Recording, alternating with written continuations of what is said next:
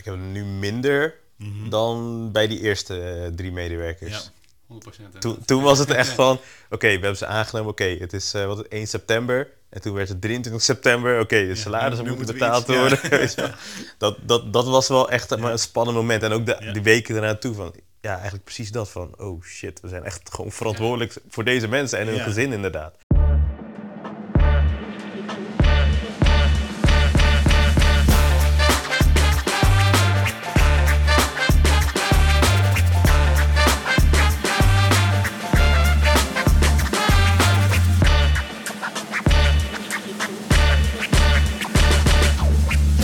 Dat je weer luistert naar Ondernemer de podcast. Mijn naam is Jordijn en deze keer in de studio Tim en TJ. Heren, welkom. Dankjewel. Dankjewel. Fijn eh, dat we weer bij elkaar zitten voor aflevering 4 dit keer. Het gaat, eh, gaat hard, hè? Ja, dat gaat de goede kant Ja, op. Ja, leuk. Zeker. Ja, en eh, net zoals de vorige keer openen we nu dus ook weer eh, met de supersnelle stellingen. Nou, nog één keer voor de duidelijkheid. Je moet dus direct eh, antwoorden en krijgt na de stellingen nog even de tijd om er eentje toe te lichten. Of dan kunnen we daar nog met elkaar over in gesprek. Ehm, nou, TJ, dan beginnen we dit keer met jou. Oké.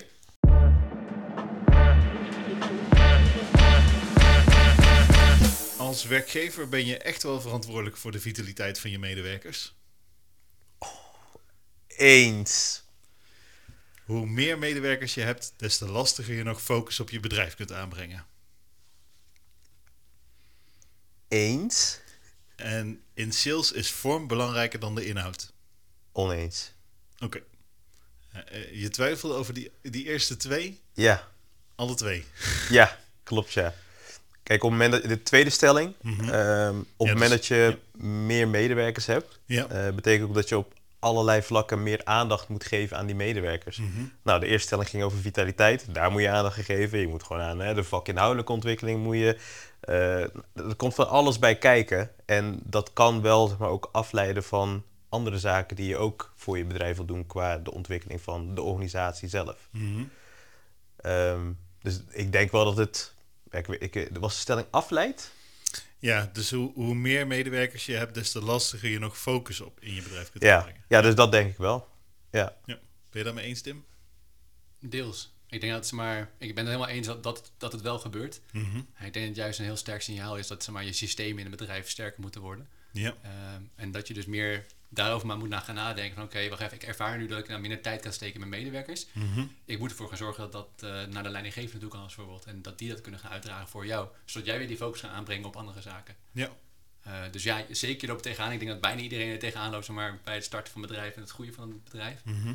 Maar dat je eigenlijk zeg maar, door het zelf goed, goed te managen niet tegenaan zou hoeven lopen. Ja, ik, ik, daar ben ik het dan ook weer deels mee eens. Omdat je, eh, naarmate je groeit... Kijk, het, het systeem wat je bijvoorbeeld met 10 medewerkers hebt, kan werken. Maar dan in één keer zit je op 25 medewerkers en dan moet je je systeem gaan veranderen. En dan ga je naar 40 medewerkers en dan moet je je systeem weer gaan veranderen. Dus je gaat continu zeg maar, in een fase komen waar je eh, merkt van... hé, hey, de systemen die we hebben ingericht met elkaar, die werken niet meer. Dus we moeten weer gaan aanpassen. En dat heeft dus te maken volgens mij met, hè, met de groei van, eh, van je bedrijf en medewerkers. Dus ik denk steeds, hè, je zult vast wel zeg maar, de situatie komen, oké, nu kunnen we weer focussen. En dan komen er weer 10 mede of 15 medewerkers bij en dan oeh, Ja. Ja, precies. dat. Duidelijk. Oké, eh, Tim, dan gaan we over naar jouw stellingen. Eh, stelling 1, liever daadkracht dan draagvlak. Eens. Eh, een OR in je organisatie is echt onzin. Oneens. En als medewerkers thuiswerken kun je nooit een sterke bedrijfscultuur creëren. Oneens. Oké. Ehm, en wie van de drie zou Ja, jij willen weten? Ja. Eigenlijk overal wat, maar... eh, ja, dat mag. Ik wil ook. die van, van de OR wel horen. Ja, dat is ook eh. Oké, nou dan gaan we daarmee beginnen. Hè. Dus een OR in je organisatie is onzin. Ja, precies. Ja, ik, ik heb hier, daar, hier oneens op gezegd. Om, Mhm. Niet zozeer omdat ik een direct maar een gigantisch voorstander ben van OR. Ehm, maar om het nou onzin te noemen vind ik ook te ver gaan. Eh, en ik, vind, ik, zie maar, ik zie wel het belang ervan in. In de zin van, het is mooi als je met een groep mensen daar goed over kan, kan nadenken. Dat je Ja. inderdaad, eh, om even terug te komen stelling 1, wel het meer draagvlak hebt voor dingen. Mhm.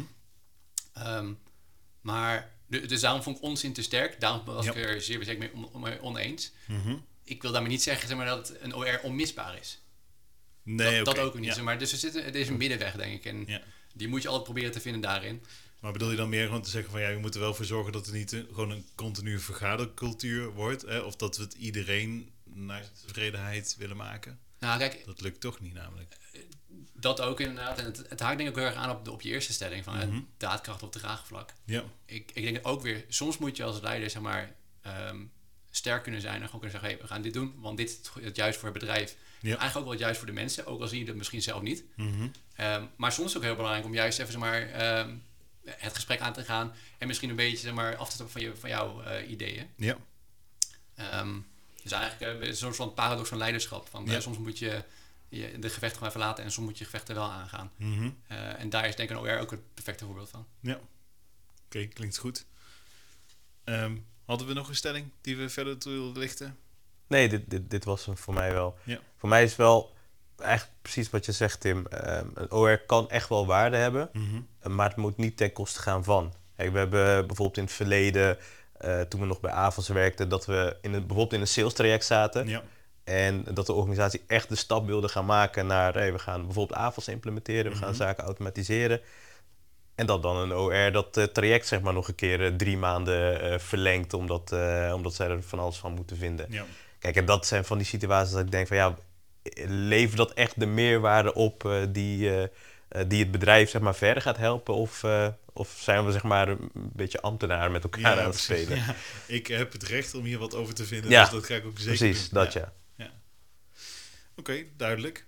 Ehm, nou ja, na, naar aanleiding van de vorige podcast zijn dus weer een aantal stellingen ook binnengekomen. Dus dank daarvoor. En heb je zelf nog een, aan, een stelling die je graag aan de heren zou willen voorleggen? Dat kan.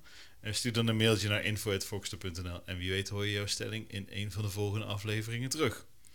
En dan gaan we door naar het onderwerp van deze week. En dat is, ik wens je veel personeel toe.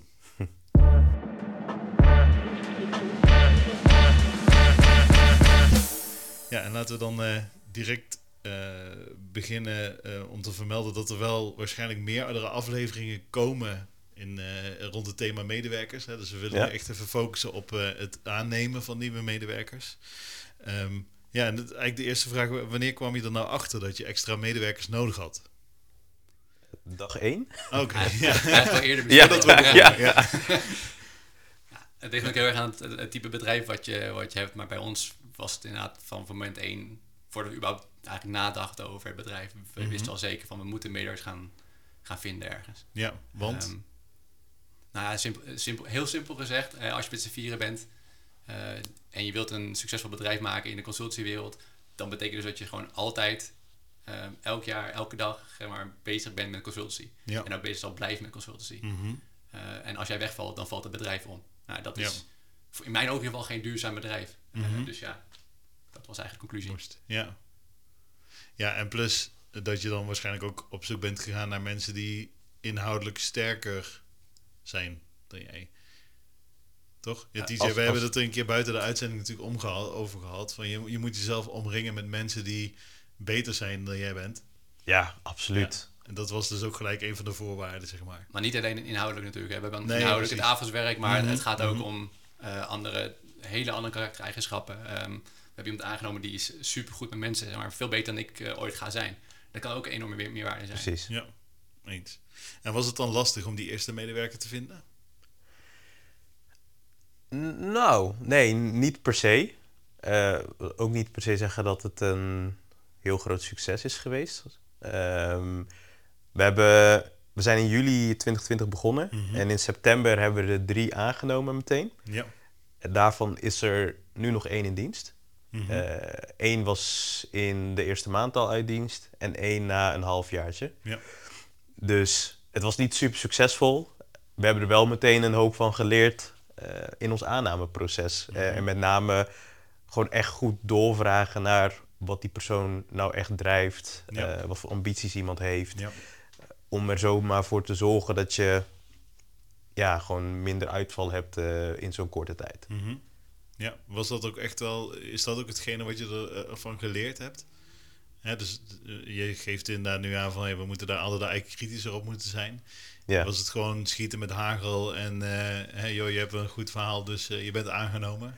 Ja, plus zeg maar, we, ja. we, we wilden natuurlijk, hè, we hadden het plan, er moeten in september moeten er, eh, moeten er drie mensen bij. Mhm. Eh, ja, dan ben je überhaupt blij als je die drie mensen vindt. Ja, ja, precies. Want dat is natuurlijk, we begonnen, nou ja, we- ik weet niet of we het ook over werkgeversmerk gaan hebben. Nou, we hadden geen merk, eh, hè, niemand kende ons. Dus het, was niet zo dat iemand kwam solliciteren bij ons. Nee, nee, dus je moet echt gericht op zoek gaan. Precies. naar- Ja, Ja, en blij zijn met de mensen die dan bij willen komen werken. Mhm. Want je moet je, moet je voorstellen dat je zo ergens in een achteraf hokje komt.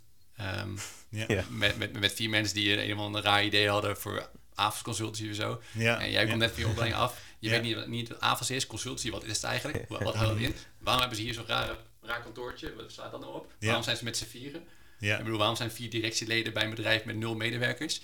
Eh, oh, ik vind het ook wel spannend, want het is een nieuw bedrijf. Ja, moet je Ja. je voorstellen welke drempel je over moet gaan om- om te zeggen van, ik ga Ja. toch maar het gesprek aan. Ja, precies. Het is niet eh founded in 19 zoveel. Nee. Nee, dus Nee. ik ben al lang blij als iemand tegenover je zit, zeg maar. Ja.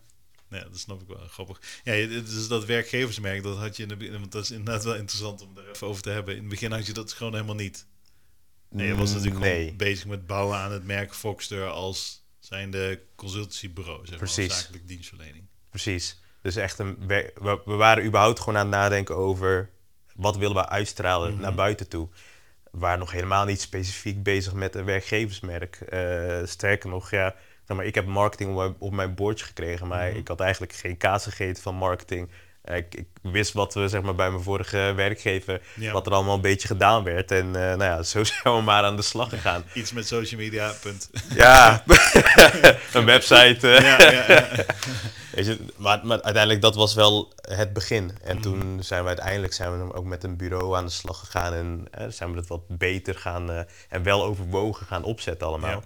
Maar zeker in het begin, eh, ja, we, zijn gewoon begonnen. En uiteindelijk vind ik dat voor onszelf, en in ieder geval zeker voor mezelf, een van de charmes. Je hebt een enorm steile leercurve, want Mhm. eh, je gaat je op allerlei vlakken begeven waar je, nou, wat ik zeg, geen kaas van hebt gegeten. Nee, nee, precies. Nou, voor mij was dat recruitment eh, en ook marketing bijvoorbeeld. Mhm. Ehm, en dan ja, om te zien waar ik nu sta, wat ik nu begrijp. Ik wil niet zeggen dat ik een topmarketeer ben, maar ik kan echt wel nu meedenken en meepraten. En dat, dat, dat vind ik wel echt tof. Ja, grappig, ja. Hey, en ehm, bij, toen je die eerste medewerker nou eenmaal had aangenomen, waar zijn jullie toen eigenlijk tegen aangelopen? Ik kan me ook wel voorstellen, ik bedoel, je- we hebben het natuurlijk in een andere podcast al eerder over gehad. Hè? Het is gewoon een BV-structuur, dus iedere vennoot heeft zijn eigen BV. Dus ja, daar keer je zelf salaris uit in de vorm van, je genereert een loonstrook voor jezelf. Maar goed, het is toch twaalf maanden lang hetzelfde. Ja, dan heb je in één keer een medewerker en dan- je moet iets met pensioen en met verzekeringen en dingen. Is dat Ja. tegengevallen? Nou, dat is, waar ik vooral tegen aangelopen ben, eh, is dat maar, die, die eerste keer dat je, dat je alles moet gaan regelen. Mhm. En vooral dat je alles moet gaan betalen. eh daar komt het wel even binnen. Eh, Ja. Want dan heb je ineens door, wacht eens. Oké, als ik dus nu niet zeg maar, die x aantal euro's op mijn rekening heb staan, Mhm. dan hebben die mensen gewoon geen geld. Nee. En toen werd het wel duidelijk voor me van, oké, we hebben- we hebben medewerkers en zijn eigenlijk gewoon afhankelijk van ons als werkgever. Ja. Dat wij hun, zeg maar, hun brood kunnen regelen als het ware. ja. Is, heb je dat eh, vaker bewust gedacht? Want u- uiteindelijk, eh, even heel eh, flinke stap vooruit. We hebben nu een organisatie met eh 20 medewerkers. Al maar even of, of, gaan richting de 30. Ehm, je hebt, dus ben ze eigenlijk ook gewoon verantwoordelijk voor het onderhoud van ja, of 30 gezinnen onderhouden. Als je het even heel plat slaat. Ja, is dat iets, iets waar je zelf dan nu nog wel eens zor- zorgen over maakt? Of waar je dan in één keer, waarbij je die verantwoordelijkheid voelt en dan denkt, oeh, is misschien toch wel een last op mijn schouders die ik mezelf als jonge ondernemer op mijn schouders heb gehaald. Ik heb nu minder Mhm. dan bij die eerste eh, drie medewerkers. Ja. 100%. Toen, toen was het echt van, oké, we hebben ze aangenomen, oké, het is eh, wat, 1 september. En toen werd het 23 september, oké, de salarissen moeten betaald iets, worden. dat, dat, dat was wel echt maar een spannend moment. En ook de, die weken erna toe van, ja, eigenlijk precies dat van, oh shit, we zijn echt gewoon verantwoordelijk voor deze mensen en hun gezin inderdaad. Ja, want je moet gaan buffelen, want ja, dan moeten natuurlijk extra inkomsten. Je hebt je eigen salaris natuurlijk al, of, of heb je dat misschien wel even tijdelijk opzij gezet? Om in wij, ieder geval wij, maar het we hadden toen geen salaris. Wij, wij hadden echt bewust de keuze gemaakt. Mhm. We gaan onszelf, zeg maar, het eerste half jaar of eerste vijf maanden gaan we ons niks uitbetalen. Al het geld wat we verdienen, dat blijft in het bedrijf. Want dan kunnen we die mensen aannemen. Ja, ja, Precies. precies. Tof. Ik denk ook wel, zeg maar, dat ehm, je- voor mij Mhm. is het nu minder, minder spannend, minder angstig eh, dat, eh, dat we inderdaad voor zoveel mensen eh, het geld moeten regelen. omdat ik ook meer vertrouw op de systemen die we nu hebben staan. Nou, het moet, Ja. moet je je voorstellen, we hadden toen gestart en we hadden eigenlijk nog gewoon geen systeem. En toen nam iemand aan en dan moet je het geld gaan fixen. Mhm. En nu weet ik dat er zeg maar, een team staat van mensen die elke dag bezig zijn om dat te regelen, als het ware. Ehm, en dat geeft mij ook het gevoel van, oké, het komt wel goed. Mhm. Ja, grappig. Welk, welke, welke rol heeft diversiteit vanaf het begin af aan eigenlijk gespeeld binnen Foxter? Hè? Want het DJ, het is nu in- een, iets waar je echt gewoon... Hè, dat is echt gewoon een thema wat eh, sowieso op jouw lijf geschreven is, maar waar je ook echt Mhm. gewoon heel actief mee bezig bent. Klopt. Eh, in wel- welke rol heeft de diversiteit vanaf het begin af aan gespeeld? Voor mij, en ik hoop ook voor de rest, in ieder geval bewustwording. Mhm. Dat gewoon continu ervan bewust zijn dat we niet alleen maar één type mens willen aannemen, maar dat we gewoon verschillende mensen iedereen een kans willen geven die zeg maar intrinsiek bij de organisatie passen. Hè? Die hè, mensen met passie, mensen die willen knallen ergens voor. Dat zijn de mensen eh, waar wij voor willen gaan. En of ze nou kleur, eh, hoofddoek, eh, andere geaardheid hebben, weet je, dat moet allemaal niet boeien. En dat heb ik in ieder geval vanaf dag één ehm, ja, proberen uit te dragen Ja. naar, naar iedereen. Eh, zowel intern als extern eh, binnen het bedrijf en buiten het bedrijf. Eh, dat gewoon iedereen een plekje kan krijgen. Nogmaals, als je wel zeg maar, met dezelfde waarden. Ja, precies. Oké, maar dat hoeft dan inderdaad niet zozeer in cultuur te zitten, maar als je inderdaad gelooft hebt, Fox heeft vier kernwaarden. Ja, Ja, dus als je mee kunt in die, in die ondernemerschap, familie, meerwaarde, om er nog maar even eentje te noemen. ja, ehm, dan is dat zeg maar dus de, de checkboxjes die je moet afvinken voordat je daadwerkelijk precies. geschikt ja, of niet geschikt wordt eh, bevonden. ja, precies. Ja. Tof. Hoe was dat voor jou, Tim? En Ben jij daar met, en je, je knikte net dat je daar zeker mee eens was. En jij zit er misschien net wel op een iets andere manier Zeker. in. Nou, nou eigenlijk niet, niet anders in. Eh, maar wat, wat voor mij in ieder geval de kracht is geweest, en ik, Mhm. Ehm, en ik, ik geloof ook dat het voor de anderen zo geldt, eh, is dat we eigenlijk zeg maar, met z'n vieren in overleg en nooit bewust mee bezig zijn geweest. Mhm. Om, omdat het vanzelfsprekend eigenlijk al was dat het zeg maar, wel goed zat. Ja. Eh, zo is hij op mij overgekomen. Dus eh, dat betekent dat het me eigenlijk niet uitmaakt wie ik tegenover me zie. Als ik Mhm. maar een persoon zie die overeenkomt met wat wij zoeken. Ja. En puur het feit zeg maar, dat wij er dus nooit over hebben gehad bewust, Mhm. geeft mij dan weer het vertrouwen van oké, dan zijn we eigenlijk wel goed bezig. Want kijk even naar onze organisatie. Ja, want het gaat vanzelf. Hey, je moet er natuurlijk wel voor werken, maar het is niet zo dat je denkt van nee, er moet nu echt iets veranderen, want we hebben alleen maar dezelfde soort mensen. Ehm, Precies. Ja. En ik, ik vind het wel lastig te beoordelen, want kijk, Mhm. kijk, TJ is natuurlijk actiever mee bezig dan ik dat ben. ja. Eh, dus misschien ben ik daardoor ook zeg maar, onbewuster actiever mee bezig. Dat weet ik Mhm. niet. Dat kan ik niet beoordelen. En misschien was het heel anders geweest als ik in een andere soort, ander soort bedrijf was geëindigd. Dat Ja. weet ik echt niet. Maar dat geeft mij nu het fijne gevoel van, nou, weet je wat, het, het gaat eigenlijk vanzelf. Het gaat goed. Eh, en de mensen ook die we vinden, die inderdaad eh, van een andere nationaliteit hebben als bijvoorbeeld, die passen gewoon geweldig in het paadje Ja. wat, wij, wat we zoeken. En daar gaat het om. ja, precies. Grappig. Maar dan heb je het dus ook over een diversiteit van leeftijd. Ook, zeker. Maar dan heb je dus ook al vanaf het begin af aan zowel een mix gehad van jonge mensen als, ja, zeg maar even young professionals of starters en gewoon seniors.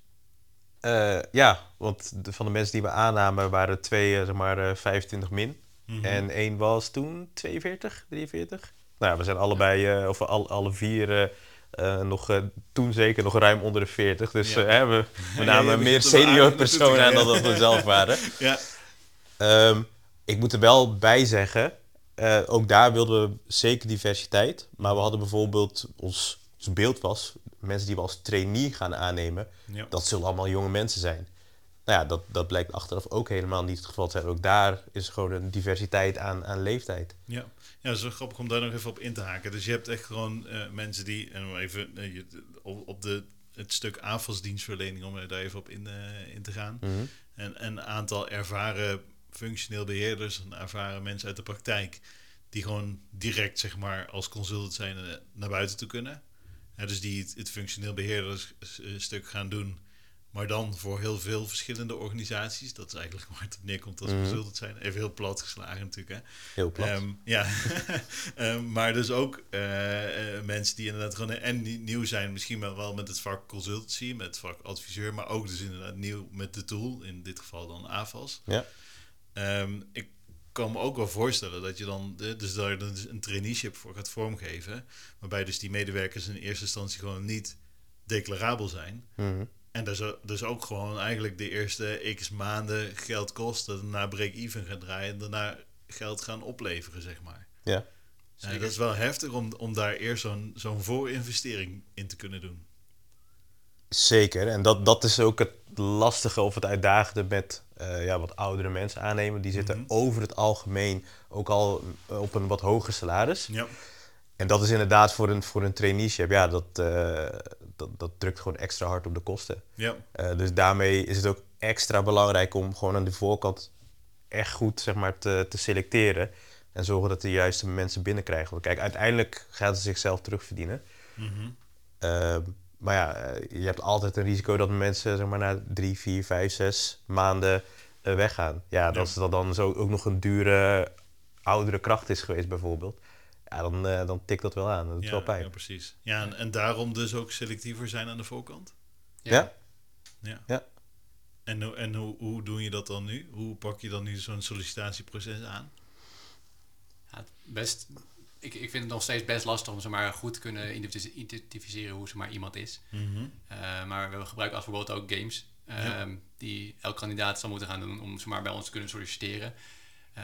Het los van het feit dat we voor heel veel andere doeleinden gebruiken om, om alles objectiever te maken, Ja. is dat denk ik ook een hele goede manier om zeg maar, iedereen op een gelijke manier te kunnen beoordelen en te kijken wat voor persoon je nou bent. Ja. Eh, en dan vooral qua werkinhoud uiteraard. Hè. Mhm. Lees je dingen van tevoren goed door? Ben je zorgvuldig? Ben je snel? Gaan we door? Ja, ja dus de tool Equalture, hè. dat is een mooie start-up in Ja. Rotterdam. Om die, het is altijd even mooi om die te noemen. Zeker. Ik vind het een tof bedrijf, dus dat, eh Ja, dat fiets ik ja, er gewoon in. ja, maar, maar en, en, de- de- mensen spelen daar een spel. Nou, daar komen verschillende scores uit op, eh, op, op basis van hoe, hoe is je creativiteit, je oplossend vermogen, hoe ga je met mensen om, hè, dat, soort, eh, dat Ja. soort zaken. Even, ja, ik ken natuurlijk niet precies vanuit, vanuit de managementkant eh, de hoed in de rand. Maar en, en dan eh, komt er dus zo'n score uit op het moment dat de medewerker zijn spel gespeeld heeft. En dan, dan bespreek je die met elkaar? Of? Ja, Ja. ja. zeker. Kijk, we hebben altijd voorafgaand aan die games hebben we gewoon een eerste kennismakingsgesprek. Mhm. We werken altijd via Teams, half uurtje. Ehm, en dan stellen we gewoon een, een aantal vragen waarbij we al echt wel een, een, een redelijk beeld van iemand kunnen vormen. Nou, we laten eigenlijk altijd iemand vervolgens de game spelen. Ja. Hè, om een beetje te toetsen van, komt ons beeld overeen met wat er eh, qua uitslagen uit die games komt. Mhm. En dan hebben we een, eh, een, een vervolggesprek. En dat kan zowel positief als negatief zijn. Hè? Dus eh, we plannen altijd een gesprek. Van ja, nee, dit is het toch niet helemaal. Mhm. Ehm, en als het er wel is, hebben we een vervolggesprek. En dan gaan we ook vrij snel door naar oké, een contract, contractaanbieding.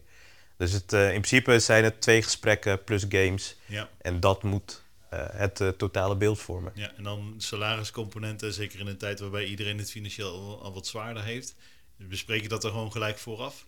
Is Zeker. Het eerste gesprek, gewoon hup, bam, oh, wie ben je en eh, even wat Ja, nee, altijd, eh, ik, ik stel altijd, of, eh, of eh, een van de collega's, we stellen Mhm. altijd de vraag: wat wil je verdienen? Ja, En dat, dat geeft ook meteen, hè, want als iemand zegt eh, zonder ervaring, ja, ik wil 6000 euro per maand verdienen, dan, weet je, dan kun je ook al heel snel eh, afscheid van elkaar ja nemen. precies. En dan hoeft niemand de moeite te steken in het spelen van een game of Precies, het beoordelen van de uitslag. Juist. Ja. En plus, we communiceren ook gewoon in onze vacatures wat, eh, wat de salarisrange is. Ja. Dus in principe zou dat al een, eh, een, een beeld moeten geven. Ja, ik vind dat wel sterk. Want je ziet gelukkig de laatste tijd dat steeds meer organisaties dat gaan doen. Hè? Dat je er gewoon heel eerlijk bij zit van... Hè, of heel, heel specifiek. Oké, je gaat 4, 4000 euro verdienen.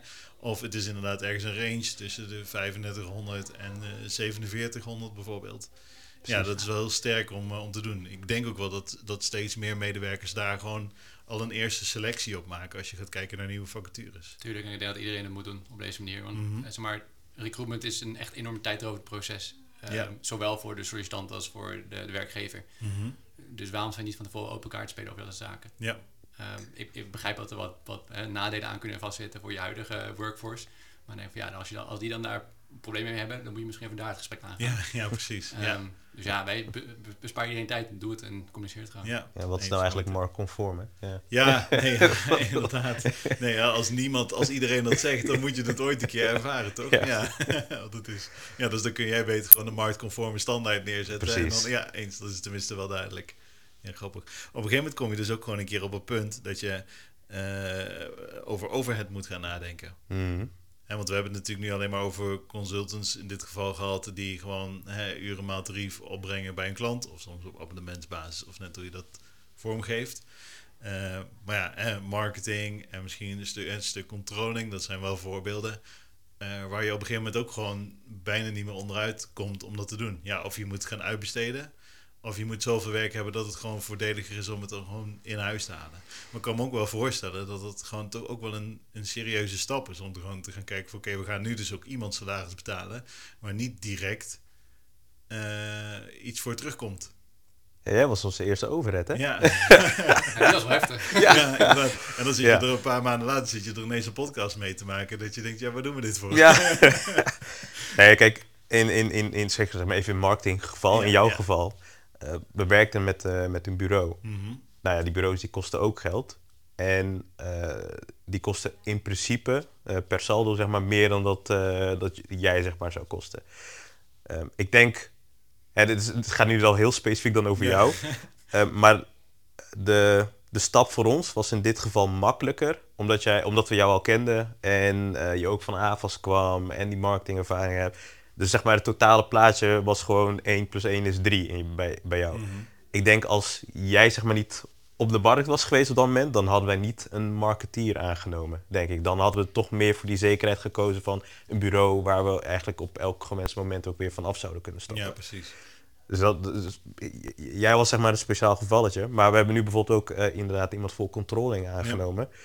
Eh, oh, en wacht, nog één, eentje terug. Marketing, ondanks dat het niet één op één eh, te relateren is aan de omzet die je genereert, eh, er, er loopt wel een hele duidelijke lijn. Dus hè, alle marketinginspanningen die je doet, Mhm.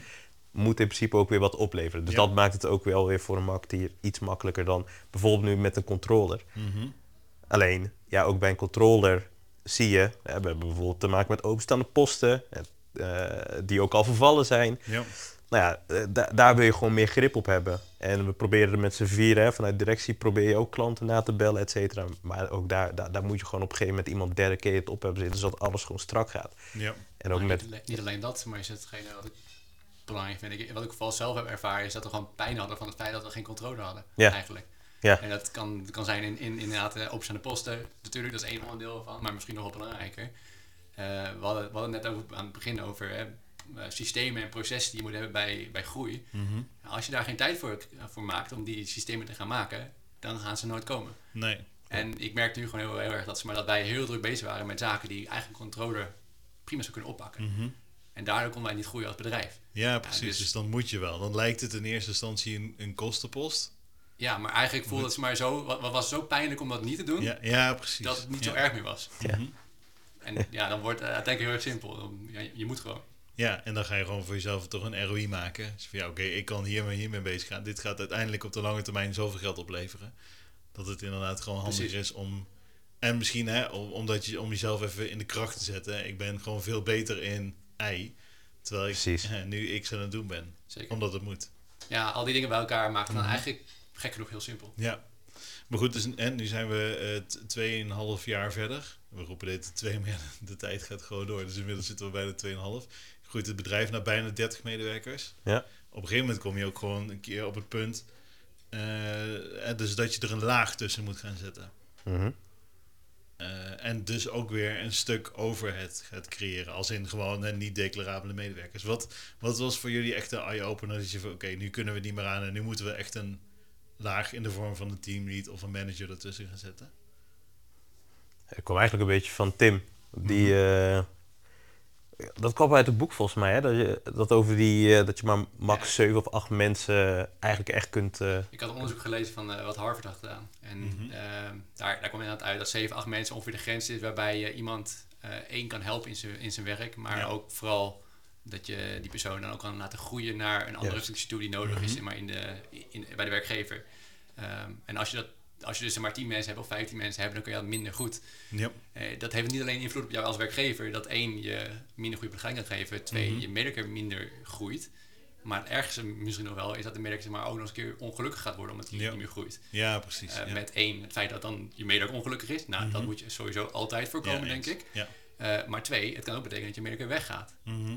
En het kost weer heel veel geld om ook een medewerker goed op te leiden om Ja. weer op hetzelfde niveau te komen. Ja, precies. En plus inderdaad, of dat geldcomponent is belangrijk. Maar je hebt gewoon uiteindelijk iemand, even zwart wit gezegd, gewoon heel ongelukkig ge- ge- Ja. gemaakt. En daarom net op één. En Ja. dat is het allerbelangrijkste. Ja. Want als dat zo is, dan, dan doe je iets fout. Ja. Ehm, dus na het 7, 8 mensen is dan die grens. En die hebben een beetje als leidraad aangehouden. Ja. Nee, ja, dat is een goede keuze. Wat zou voor jullie belangrijkste tip zijn?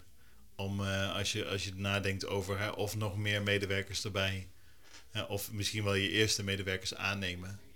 Wat, wat, wat is misschien de belangrijkste les of zo die jullie daarin geleerd hebben? Hoe graag je ook mensen wil aannemen, maak wel, wel overwogen de keuze voor hè, de juiste persoon. Dat is waar we het net over hadden. Wij wilden die mensen, dus ja, uiteindelijk hebben we drie mensen aangenomen, waarvan er nu nog maar één werkt. Ja. Ehm, ik denk dat als we gewoon iets kritischer waren geweest, dat we in ieder geval één van de twee misschien bijvoorbeeld niet hadden aangenomen. Mhm. Wat zou dat voor jou zijn, Tim? Jouw, jouw belangrijkste les? Ik denk dat het... Ik, wil heel, ik sluit me helemaal aan bij wat Tietje zegt. Ja, ja, dat is ja, eh, ja. 100% waar. Maar ik denk dat de les die ik daaruit heb geleerd is dat je beter, beter vragen moet stellen. Mhm. Eh, dus als bijvoorbeeld nu bij een, een van onze laatste sollicitanten heb ik de vraag gesteld van joh, laat, laat werk even helemaal los. Maar vertel me nou eens een keer wat je echt, wat je echt het allermooiste van de wereld vindt. Mhm.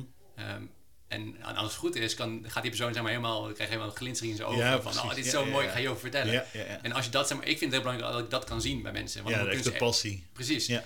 Eh, en dat soort vragen zeg maar, kunnen wel het verschil maken tussen weten hoe iemand in elkaar steekt of totaal niet weten hoe iemand in elkaar Mhm. steekt. En het is niet maar 100% scoringskans dit, maar het helpt je wel. Ja.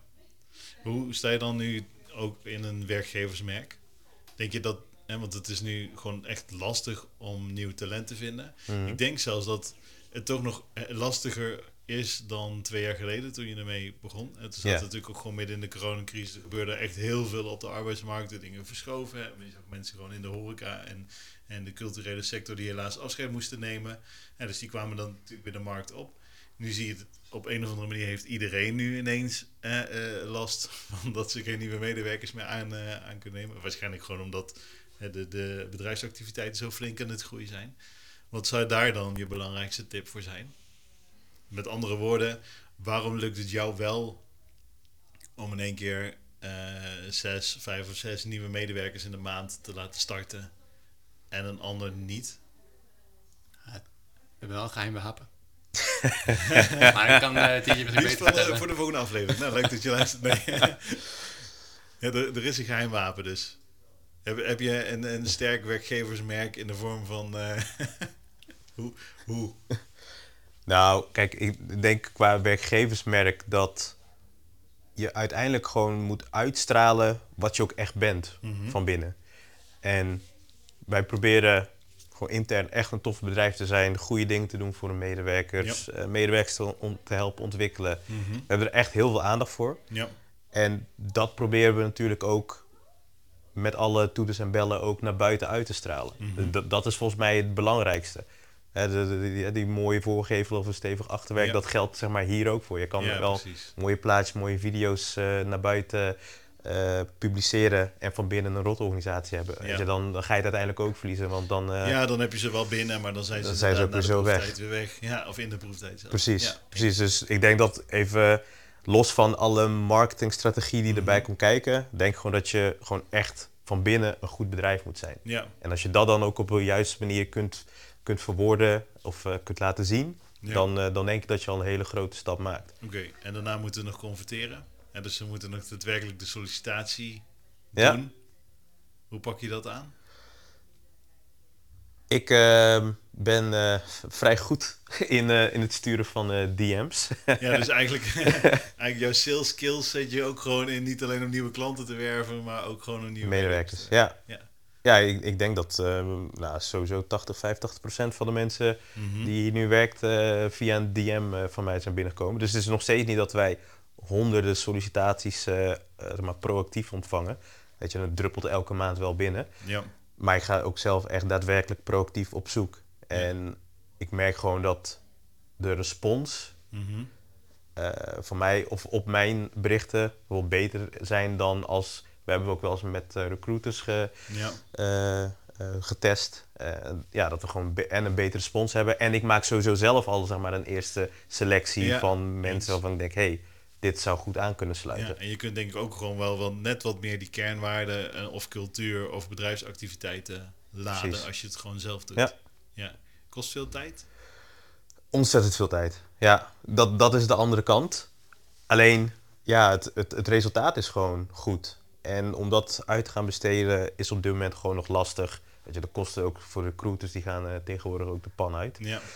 Ehm, en het, volgens mij is de functie recruiter op dit moment de meest gezochte functie binnen bedrijven. Ja, dus een re- recruiter aantrekken is ook Ja, weer zeg maar een uitdaging. ja, dat is wel... eh, Ja, kijk, weet je, en als jij eh, eh, 10.000 euro bij wijze van spreken voor een kandidaat moet betalen, ja, weet je, daar kunnen wij als bedrijf zoveel goede dingen mee doen. Ja, precies. Dan ja. ga ik liever zelf eh, gewoon een paar avonden in de week eh, op LinkedIn struinen naar, eh, naar kandidaten. Ja, en je kwaliteit is hoger. En je hebt inderdaad eerder ook nog een selectie kunnen maken van of Precies. iemand persoon echt wel bij je past. Ja, dus ik weet niet hoe lang ik dat nog kan volhouden.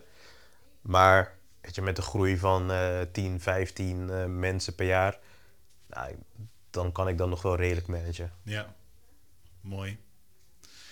Wat mij betreft was hem dit voor de Oh. podcast. Ja, we zitten ook alweer Gaat ruim over het half uur eh, heen. Alweer. ja, alweer. Ja, dat gaat echt iedere keer kijken op de klok en denken... Oh, wacht even. Volgens mij zitten we nu op 34 minuten of zo. Dus dan, eh, ja, zijn wel mooie hapsnap afleveringen. Iedereen weer de auto uit en eh, aan de bak.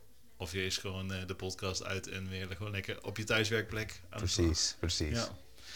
Ja, dus je hebt geluisterd nu naar de vierde aflevering van Ondernemende Podcast. Heb je nou zelf dus een onderwerp of stelling die je graag terug wil horen in de podcast? Stuur dan een e-mailtje naar info.volkster.nl en wie weet hoor je jouw onderwerp of stelling terug.